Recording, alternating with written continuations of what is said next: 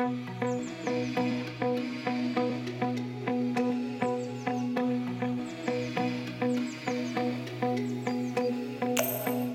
búum víst á einu vindasamasta byggðabóli í heimi hér á Íslandi. Tilhugsunin blæsmanni kannski ekki beint ættjarðar ást í brjóst en eins og svo oft áður er það ekki endilega bara neikvægt. Sterkir stöðugir vindar geta haft sína kosti. Til dæmis þegar kemur að því að nýta vind til framleiðslu og raforku. Í þessum þætti ætlum við að kynna okkur vindorku nýtingu. Viðmælandi þáttarins í dag er Helgi Hjörvar en hann situr í sérfræðingahópi samorku við vindorku og vinnur að þróun vindorkuverkefna hér á landi. Þið eru að hlusta á hlaðvarp samorku Líf æðar landsins. Ég heiti Lófísa Árnadóttir.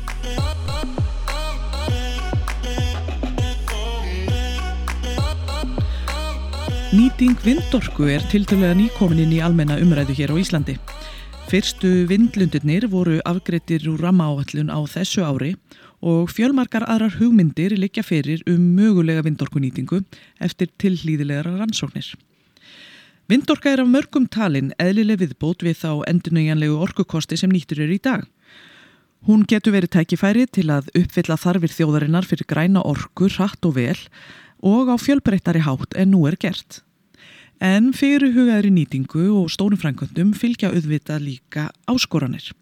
Við skulum bara byrja á byrjuninni. Af hverju er verið að íhuga vindorku nýtingu á Íslandi?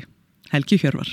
Fyrst og fremst er það nú kannski vegna þess að það hefur á síðustu árum eh, orðið miklu hagkvæmara heldur en áður var. Lengi vel þá nutum við alveg sérstaklega forréttinda á Íslandi að við höfðum e, þessa ódýru kosti í vassabli meðan að, að önnur orkuöflun var yfirleitt miklu dýrari í endur nýjanlegri orku og, og höfðum auðvitað líka jarðvarman. E, en svona á síðasta áratug þá hefur þetta bara orðið haugkvæmar og haugkvæmar með, með hverju árin og er einfallega núna orðin langsangkeppnis hæfast lausnin. Og af hverju? Hvað, hvað hefur gæst þarna sem hefur breytt þessu umhverju mikið? Bara mikil framtrúin í tekni það að það er búið að eh, framleiða gríðarlega mikið af þessum búnaði, það er búið að reysa mikið á honum út um allan heim eh, þannig að eh, það er hafa elst að getu og svo bara eftir því sem að meira er framleitt og lengur þá náttúrulega lækka bara verðin á, á íhlutunum í þær. E, þannig að, að þegar þetta leggst saman þá, þá verður það hagkvæmar og, og vindmilur sem við einu sinni töluðum um í sko innan við einu megavatti þær eru, þær eru núna kannski orðnar 10 megavatt eða 15 megavatt bara, bara ein milla.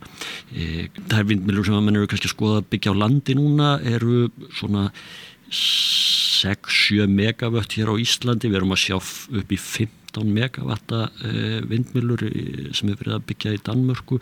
Eh, á landi líka, það er kannski eins og tíu sinnum virkjunin í ellið ánum á sínum tíma bara í einni vindmilu og, og svo getur það náttúrulega verið margar vindmilur í, í einum vindorkokar mm.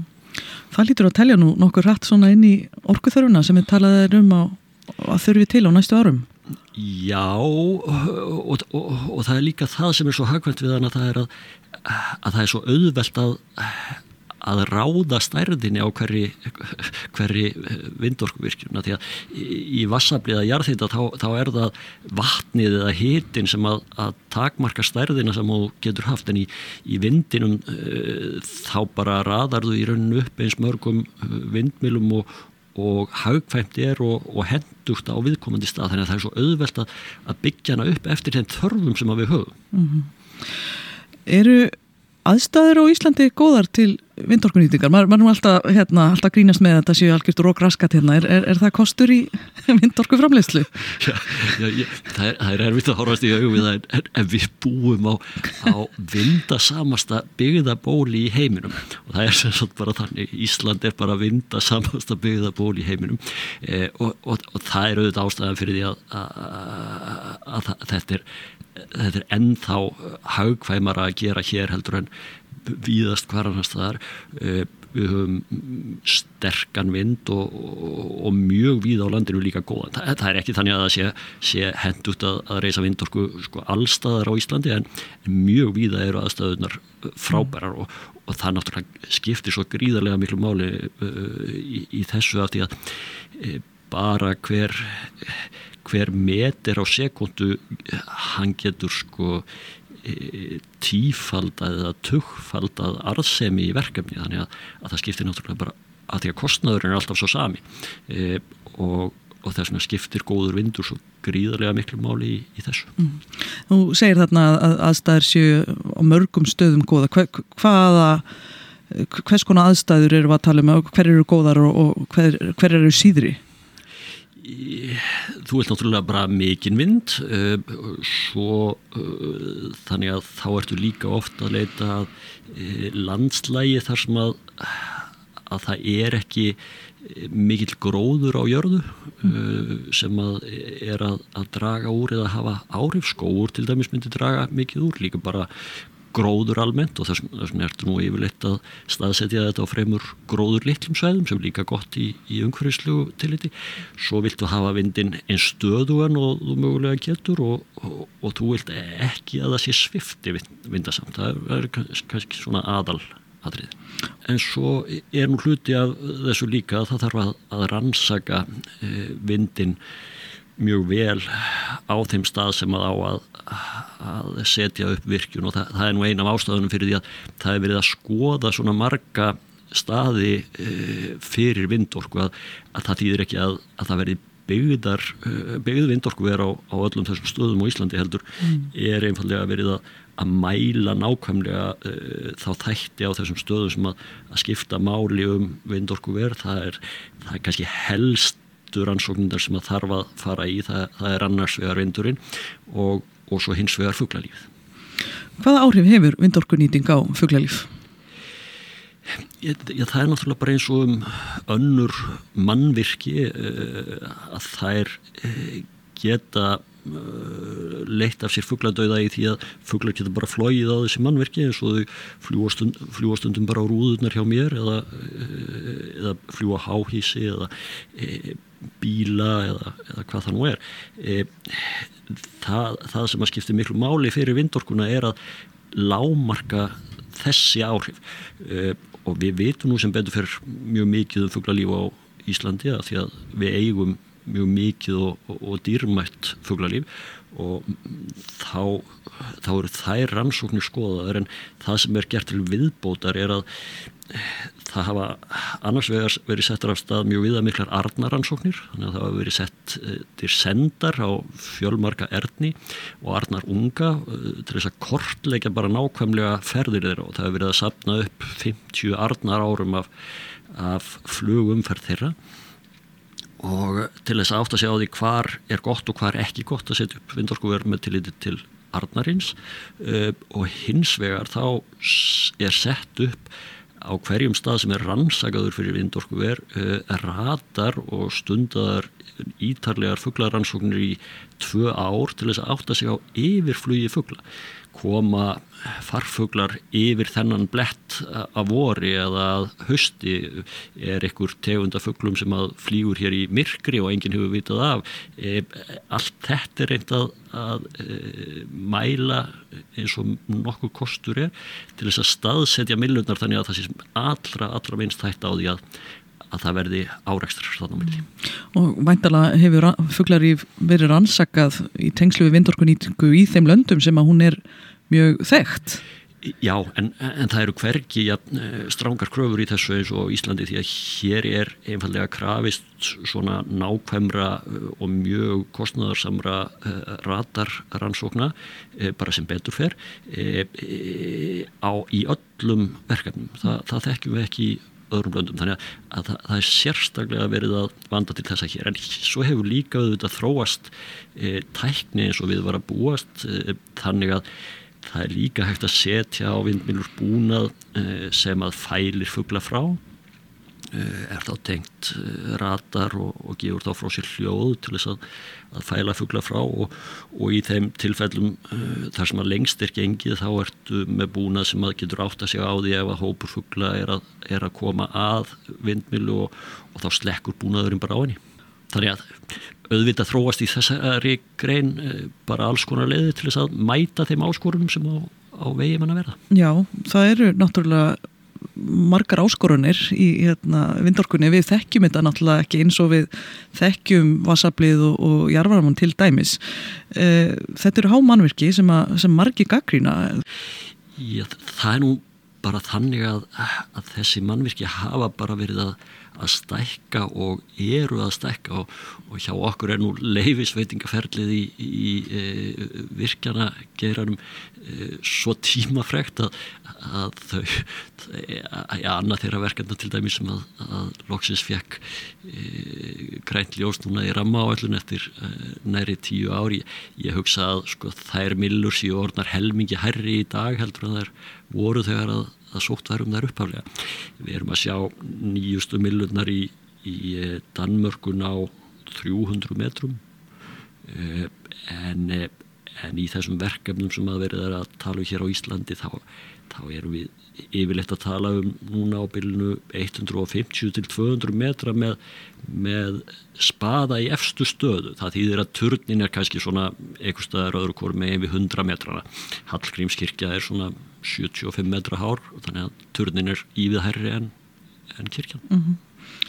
Hvernig hefur svona hérna, þessu verið tekið uh, þið og, og fleiri sem að standa hérna, vindorkuverkefnum hafi verið að kynna kynna þessi verkefni, hvernig hefur þeim svona almennt verið tekið af, af íbúum í þeim sveitafélugum sem að verið er að skoða til vindorku nýtingar? Það hafa náttúrulega verið uh, skiptar skoðanir um, um þessi verkefni eins og eins og önnur uh, svona stærri framkvæmdaverkefni á, á Íslandi held ég að mig segja. Það eru auðvitað mjög margir uh, sem að sjá þetta sem mikilvæga lausn í orkuskiptunum um, og sjá svona þann stóra kost við vindorkuna að, að við getum nýtt hana til þess að brúa bylið núna meðan okkur vandar orku uh, með því að reysa þessi mannverki sem að standa bara í, í takmarkaðan tíma e, kannski 25-30 ár og, og eru svo bara tekið niður þegar að, að rekstra tímanum er e, lokið og, og skilja ekki mikið eftir sig. E, svo eru aðrir sem að hafa miklar áhyggjur af sjónrænum áhrifum og, og og, og þessi umræð er náttúrulega bara mjög lifandi í, í þeim sveitafélögum þar sem verið er að skoða svona verkefni. Að mörgu þarf að huga þegar kemur að nýtingu vindorku hér á landi. Til dæmis þarf að vanda staðarval og hönnun vindorku vera fyrir Íslands landslag og náttúru og að mati samorkur eðlilegast að vindorku kostir sjö afgreitir gegnum skiplagsferðla sveitafélaga. Eins og er er ferlið mjög tímafregt og flókið. En kannski fyrst og fremst væri mikilvægt að að leifisveitingaferlið eh, verði stittra og skýrar ég, ég held að það sé öllum til hagsbóta bæði þeim sem eru uh, með þessum verkefnum og líka hinn sem eru á mótið þeim. Að þetta sé ekki uh, 10-15 ára ferli hérna, uh, heldur fáum við stittri og, og skýrari Eh, ákvarðanatöku í þessu. Evrópusambandið er að setja núna e, tveggja og hálsárs leifisveitingaferli og það er í sjálfu sér ekkit flókið að taka afstöðu til þess þegar rannsóknir liggja fyrir hvort að, að það sé skinsamlegt og gott að reysa vindorku er á einhverjum stað og það er best fyrir alla, bæði þá sem eru meðverkefninum og á mótið þeim að svo ákvörðum sé bara tekin hratt og öruglega hvort sem það er þá afið á og vindorku ver hefur fyrst og fremst e, sjónræn áhrif og þá aðalega fyrir það fólk sem býr kannski í þetta 5 til 10 km radíus eh, aðrir verða lítið varir við eh, það vindorkuver. Eh, þess vegna er lang eðlilegast eh, að það sé sveitarfélag þeirra sem að búa á staðnum sem að tekur ákvarðun að það sé fólkið sem að, að mun njóta uh, ávakstana af starfseminni í verðmætasköpun, atvinnusköpun, uh, útsvarstekjum og svo framvegis en þarf líka að, að vennjast þessu svona nýja landslægi í, í sínu umhverfi. Það sé miklu eðler að, að þessi ákvörðu sé tekin uh, á staðunum þar sem að fólkið býr heldur en að það sé allt tekið bara hér í Reykjavík fyrir landið allt. Mm -hmm. Hvað hérna, tekur langan tíma að, að hérna, fá vindorku verið í gang eftir að öll lefi hafa verið samþygt? Já, innan við tvö ár. Þannig að þetta getur gæst ansið rætt að við hérna, eigum kannski möguleika á að ná þessum loftasmarkmiðum. já, já ef, ef það tekur ekki 10-15 ár að, að fá lefið til þess að, að byggja eitthvað sem tekur bara 1,5 ár en, en, en það, en, en það er einmitt uh, eitt af því sem miklu máli skiptur í þess að þú getur bara farið í þetta mjög hratt og, og, og, og þau tækifæri sem að skapast til þess að að fara í lofslagsverkefni eins og framleyslóra veldsneiti eða e, það að fanga e, CO2 sem er útblástur frá einhverjum yðjúverum á Íslandi og, og nýta það í staðin fyrir að, að það e, fari út í lofslægið með, með tilhengandi neikvæðum áhrifum. Það er hægt að mæta þeim þörfum með orkuframleyslu á mjög stuttum tíma ef að, e, að leifisverðlið er í, í lægi að, að þetta eru sagt, bara innan við tvö ár og svo er ekkert lengi verið að taka þetta niður eftir 25 ár þegar að það eru komnar einhverjar aðrar lusnir eins og kjarnasamrunni eða, eða hvað það nú er sem okkur dettur gott í hugi framtíðinni til að framliða orku. Bara eins og gömlu vindmilurnar sem að voru hér í, í upphafi síðustu aldar og, og menn voru að hlaða útvarstæki sín með og útvega sér ljósaramag með. Það er hurfu bara þegar að nýju og betri tækni tók við. Mm. En eru samt ekki talsverða líkur á því samt að ef að orkan er komin í nótkunn að, að hérna, hún verði það áfram? Jú, jú, með, meðan það er hagkvæmduð þetta, en, en þetta eru mannverki sem er endast í raun og veru bara til, til 25 ára, þannig að það er alltaf bara ný ákvörðun að, að þeim tíma liðinum hvort að umhverfið er þá þannig að, að það sé enda á hagkvæmdu og, og, og það gera allir ráð fyrir því að þetta sé nú fyrst og fremst bara tímabundin löst meðan að verum að að þróa nýjar leiðir í orkuframleyslu og, og, og sigurast á þessum stóru áskorum í lofslagsmálum innan þessara tímatakmarkana sem við þurfum að gera til þess að, að ekki sí enn meira ógæðu hliðina í, í hlínun jarðar en orðið er. Mm -hmm. Hvers konar hérna, mat er gert áður en að leifi til vindorkuvers er gefið út? Veist, hvers konar umhverjismat og, og rannsóknir þurfa að vera til hlýðsjónar?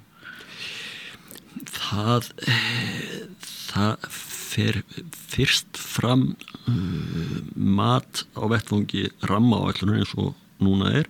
E, en auk þess mats þá þurfa öll verkefni að fara í gegnum ítarlegt umhverfismat. Þar, þar var ansaka hvaða áhrif við komandi vindorku verðum hafa á ferðarþjónustu til dæmis á sveðinu hvaða áhrif það mun hafa á annað atvinnulíf uh, áhrif þess á nærsamfélagið uh, áhrif á útivist uh, það þarf að rannsaka gróðurfarið gera gríðarlega ítarlega rannsóknir á fugglalífi það þarf auðvitað að rannsaka vindin og áhrif á vatnalíf og, og í rauninni alla helstu umhverjastætti og, og það er fyrst þegar að, að búið er að fara í, í slíkt ferli sem að, að teknar eru ákvarðanum um það að, að leifa verkefni eða, eða ekki þannig að, að það er gríðarlega vönduð undirbúningsvinna og, og raunar held ég að það séu hverki í heiminum gerðar í afmiklar kröfur um, um rannsóknir og undirbúning uh, fyrir svona verkefni eins og Íslandi. Og hver tekur endarlega ákvarðun? Í dag uh, þá er litið svo á að það sé uh, alþingi sem að tekur endanlega ákvörðun en sveitarfélag hefur síðan ákveðin tíma til þess að, að taka þá ákvörðun inn í sitt skipulag. Það er engin sérstak lög núna til um vindorku er það? Það, það er talað um það í nýjum stjórnansáttmála að setjum þau sérstak lög.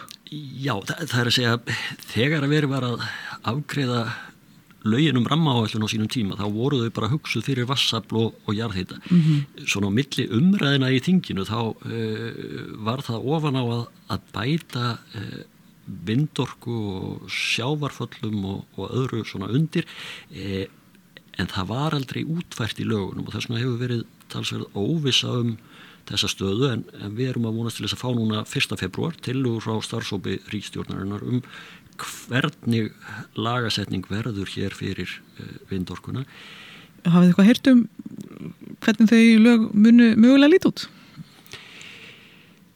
Nei, það eitthvað skúp. það vil þannig til með, með vindorku eins og svo margt annað í okkar ágæta landi að, að það er alveg ótrúlega margar skoðanir um það hvernig, hvernig þessu verði best fyrir komið og, og, og það hefur verið sett niður uh, þryggjamanna nefnd uh, á vegum orku og umhverfismörur á þeirra sem að á að, að skila tilögum og, og þau eru að, að ræða við hérna, alla þá sem að Eh, hafa sjónarmið um þetta.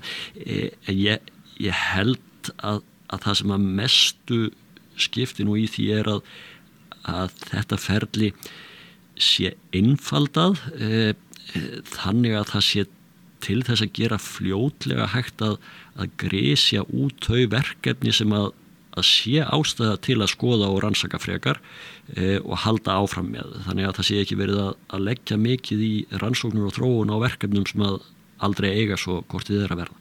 Mm -hmm. Vindorka gæti farið undir rammaáallun en, en það hefur verið talað fyrir því á vettvangi samorku að, að hún passi ekki endilega þar og af hverju ekki? Það eru uh, kannski fleiri en, en eina ástæða fyrir því. Í fyrsta legi þá hefur hún svona að flestum verið talin falla undir rammaáallin og það hefur nú einfallega bara ekkert gengið mjög vel að, að afgreða rammaáallar í, í langan tíma. Við, við vorum fyrst að fá e, rammaáallin fjögur afgreita núna síðasta sumar og, og það eru þá fyrstu tvö vindorkuverkefnin og það tók tíu ára að, að komast á það stíg og þá og ennþá eftir að, að klára fullt af hlutum. Og það er einfallega allt of langur uh, ferill til þess að við getum búið við það núna í þessum aðgerðum sem við þurfum að fara í lofslagsmálum við þurfum að ná ákveðnum árangri já, þegar fyrir 2030 og svo aftur fyrir 2040 það gengur auðvitað ekki að það takki 15 ára að fá leifin að við ætlum að vera búin að leysa málun á, á þeim tíma. Sérlög fyrir vindorkuna eru líka eh, heppileg vegna þess að vindorkan hefur svo svæðisbundin áhrif ástæðan fyrir því að það farið í, í rammaáallum var auðvitað verluleiti svo að vassafl og jarðhitt er þannig að, að það getur leið í mörgum sveitarfélagum uh, og uh, það er fangvendir sem að því þurfa að tengjast og, og það getur haft áhrif á vatnasvæði í mörgum sveitarfélagum og svo framvegis. Þessu er ekki til að dreifa með vindorkuna. E, hún er bara sett upp á afmörkuðum stað í einu sveitarfélagi sömuleiðis e, þá eru vassabl og, jarðheiti e, framkvæmdir já kannski ekki til allarar framtíðar en að mista kosti um mjög mjög langa framtíð. Það að setja upp vindmilur það er ákvarðun um að setja upp millur í 25 ár og svo eru þær tekna niður. Þannig að það er ekki ákvörðu sem er tekin fyrir allar kynsluður Íslendinga með um alla framtíð. Heldur bara svona frekar svæðisbundin ákvörðun í, í stuttan tíma og þess vegna miklu eðl er að sveitastjórnina bara taki þær ákvörðanir mm -hmm. Bara svona eðli, að, í eðlis sínu er þetta bara öðruvísi nýting heldur en eins og vorst að segja. Allt öðruvísi. Uh, og, og, og það er heldur ekki þannig að, að fólk seti uppi með einhverjar afleiðingar af því að vindorka uh, hafi verið nýtt. Eins og getur verið sko uppsöfnun í, í, á auðri uppi stöðulóni eða áhrif á eitthvað njarð þetta gemi vindur á Íslandi er ekki takmörkuðuðlind því miður, það er bara alveg opbúslega mikið vindi á Íslandi og það kemur alltaf nýr vindur á morgun og svo þegar þessi mannverki eru tekið nýður þá, þá er nánast ekkert sem að sést eftir að fólk getur til dæmis bara kert nýri þykkuabæ ef á leiðum Suðurlandi, þar voru tvær vindmilur, þar voru regnar í tíu ár. E, núna er búið að taka þær nýður, það er búið að endurvinna þær og það sést eiginlega bara ekkert. Það er smá vextlóðu þarna og tveir litli stöflar e, og búið. Er hægt að endurvinna sem sagt bara nokkuð vel vindmilur eftir að þær hafa verið í nótkunn? Já, langstæstu hlutin að þessu er náttúrulega bara stál. Uh, og þess vegna uh, hérna, eru bara verulega verðmætt í því að, að endurvinna hverja vindmilu e, e, svo er tölvert af kopar e, og ímsum öðrum megnum sem auðvöld er að endurvinna. Það var lengi vel svona nokkuð erfitt um endurvinnslu á spöðunum en nú er það orðið allt annað mál og, og til dæmis bara spaðarnir í þykvænum, þeir eru bara sendir til Danmörkur í, mér er sagt að þeir hafa verið e, tættir niður sem íblöndunarefni í steinsteipu e, og ég held að kostnaðurinn við það hafi verið nokkur hundruð þúsund krónur. Þannig að, að það eru líka orðin viðfóksefni sem eru leysanleg. Svo er náttúrulega stöðu þróun í, í vindmilum, menn eru að þróa vindmilur úr, úr hérna, e, timbri, e, menn eru að, að skoða vindorku spaða úr hampi e, og auðvitað er nýsköpurinn í aðrunulífinu gríðarlega bæði í, í þróun á þessum tækjum e, og líka í, í úrvinnslu orkunar sem að, að, að úr þeim verður. Þróunin í vindorku hefur verið hröð síðustu ár í heiminum öllum. Eftirspurn eftir sjálfbæri orku ekki stöðugt þar sem hún er líkil fósunda þess að takast á við lofslagsvandan og skipta þar með jarðefna elsneitinu út fyrir græna orku. Vindorka er endur nýjanlega orka og með sífell lægri stoppkostnaði hefur hún fessi í sessi sem samkeppnishæfur valkostur við jarðefna elsneiti án þess að þurfa fjáraslegan stuðning frá hennu ofinbera. Vindorka er nú orðin ódýrasti kosturinn í grætni orku og þess vegna fjölga nú vindorku verum hratt viðsvegurum heiminn. Í heiminum er núna búið að virka jafn mikið í vindorku eins og fyrir var í vassafli. Það er eh, að gerast nánast allt bara hérna megin við árið 2000. Sko. Það, það hefur auðvitað verið ótrúlega uh, röð uppbygging og, og mikilvæg og, og það er náttúrulega líka það að, að vindorkan hefur þannig kost að, að þú getur tengdana til þess að gera vel uh, starfsemi sem að er verið að byggja upp uh, og þörfum í, í rávorku fluttningskerfinu af því að, að, því að uh, þú getur haft bísna mikla stjórn á því hvar hvar uppbyggingin verður. Það er ekki ár eða, eða, eða jarðhitta geymir eða, eða aðra slíka náttúrulegar fórsendur sem að, að setja þeir skilir Hver eru svona helstu spurningar sem þú fær þegar hérna, þú talar um vindorku? E, það eru náttúrulega ótrúlega margar spurningar. Ég, ég held samt að, að svona helstu áhyggjunar sem að maður heyrir, það er tengjast ferðartjónustunni mm -hmm.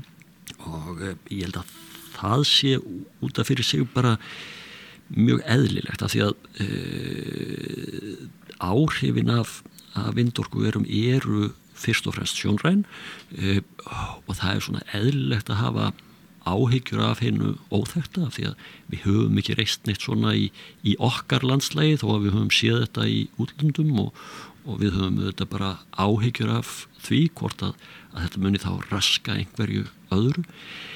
Það er kannanir sem að við höfum skoðað uh, um þetta þær gef ekki tilefni til þess að hafa að þessu stórar áhyggjur en það er auðvitað mikilvægt að, að þessi vindorku verði vel staðsett uh, fyrir aðrar atvinnugreinar eins og ferðarþjónustuna þannig að það hafi sem minnst áhrif á hana. Við höfum líka hort í þessu sambandi á lönd sem að, að svipar til Íslands uh, því að sumum uh, sumir hafa sagt að, að þetta hafi kannski ekki áhrif á ferðarþjónust í Danmörku þar sem allt er fullt af vindmilum að því að Danmörk sé svo flöt. En, en við höfum auðvitað líka skoðað uh, lönd eins og Skotland svæði eins og Norður Noreg þar sem að er einstæð náttúra uh, og mikil fegur og ósnortin výðarni og, og aðri slikir hlutir. Og, og ef að það er vel að þessu staði þá tel ég að ferða þjónustan uh, og þessi starf sem ég geti vel uh, unnið saman mm -hmm. Ef þú ættir að súmera upp svona einhver aðalatri til þess að vindorku nýting verði verði almenn sáttum hana á landinu og, og hérna, komist í framkvæmda, Hva, hvað myndur þú nefna til? ég held að það sem að skipti kannski hvað mestu máli e, er að fólk átti sig sem flest á því í hvað á að nota þessu orku. E, af því að það er jú markmiðið með þessari framleiðslu það er, eru nótin á orkunni. Það á að nota þessa orku til þess að hætta að nota ólju og bensín á Íslandi við flytjum inn gríðarlegt magn uh, af þessu jarðirnaelsneiti sem að hefur þessar alvarlegu afleiðingar fyrir lofslægið, ekki síst til þess að knýja skipin okkar og flugvelarnar e, og það er í þessu samhengi e, sem að við þurfum að reysa vindorku og það er þess vegna sem að æg fleiri já ekki bara Íslendingar heldur jarðarbúar sjá vindmilur sem svona táknum von sem uh, jákvægt tákn uh, um það að það sé verið að vinna að löst málsins vegna þess að þessa orku munum við nota til þess að framleiða rafmagn, til þess að framleiða rafveldsneiti af ólíku tægi til þess að knýja vöruflutningabíla, skip, flugvilar með grænum hætti. Og það er raunar að því að við töluðum um ferðarþjónustuna áðan. Líka gríðarlega mikilvægt fyrir ferðarþjónustuna e, að við getum e, farið í þessu orkuskipti og, og gert það þannig að, að þessir flutningar allir til landsins séu með sem allra sjálfbærustum hætti. Eftir því sem fleiri átta sig á þessu samhengi e, þá held ég að, að stuðningurinn við vindorkuna verði meiri og meiri og er hann tó tölverður nú þegar.